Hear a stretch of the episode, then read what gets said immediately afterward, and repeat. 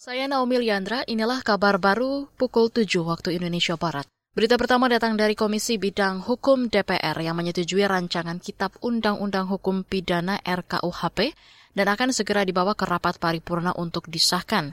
Komisi Hukum DPR dan pemerintah telah menyepakati naskah RKUHP di pembahasan tingkat 1 dalam rapat yang dipimpin Wakil Ketua Komisi 3 Adis Kadir Kamis kemarin. Kami meminta persetujuan kepada anggota Komisi 3 dan pemerintah apakah naskah RUU tentang KUHP dapat dilanjutkan pada pembahasan tingkat kedua yaitu pengambilan keputusan atas RUU tentang KUHP yang akan dijadwalkan pada rapat paripurna DPR RI terdekat. Apakah dapat disetujui?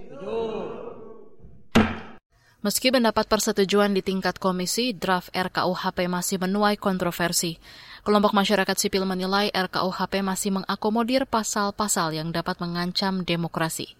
Yayasan Lembaga Bantuan Hukum Indonesia YLBHI dan 18 LBH Kantor mendesak pasal-pasal yang antidemokrasi di dalam RKUHP. Saudara, mahalnya tiket pesawat di Indonesia disebabkan jumlah pesawat yang beroperasi berkurang hingga setengah dari jumlah semula. Hal ini disampaikan Menteri Perhubungan Budi Karya Sumadi saat rapat kerja di DPR kemarin.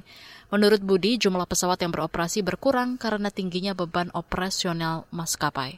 Uh, pesawat ini adalah masalah global uh, bahwa pesawat yang ada di Indonesia ini uh, berkurang dari uh, lebih dari 600 sekarang ini tidak sampai 300 jadi nggak sampai 50% sehingga terjadi kekurangan. Nah mengapa mahal memang karena uh, ongkos leasing dan ongkos bahan bakar itu melebihi dari 50%.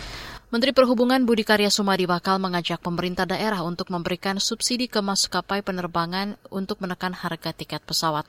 Misalnya dengan mengganti tiket jika okupansi pesawat di bawah 50 persen. Ia juga akan mengundang maskapai penerbangan yang berminat melayani trayek penerbangan ke daerah terutama untuk penerbangan perintis. Sebelumnya, Ketua Komisi 5 DPR Lasarus menyampaikan keluhan masyarakat daerah mengenai tingginya biaya penerbangan imbas pembangunan infrastruktur bandara yang tidak sejalan dengan minat maskapai berinvestasi.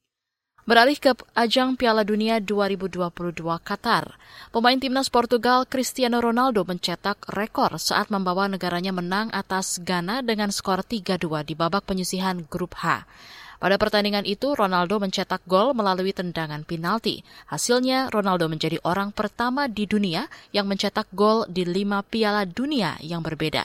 Ia memulai debut sebagai pemain timnas pada 2003 dan mencetak gol pertama di Piala Dunia 2006 di Jerman. Ia juga mencetak gol di Piala Dunia 2010 di Afrika Selatan, Piala Dunia 2014 di Brazil, dan Piala Dunia 2018 di Rusia. Demikian kabar baru, saya Naomi Liandra undur diri.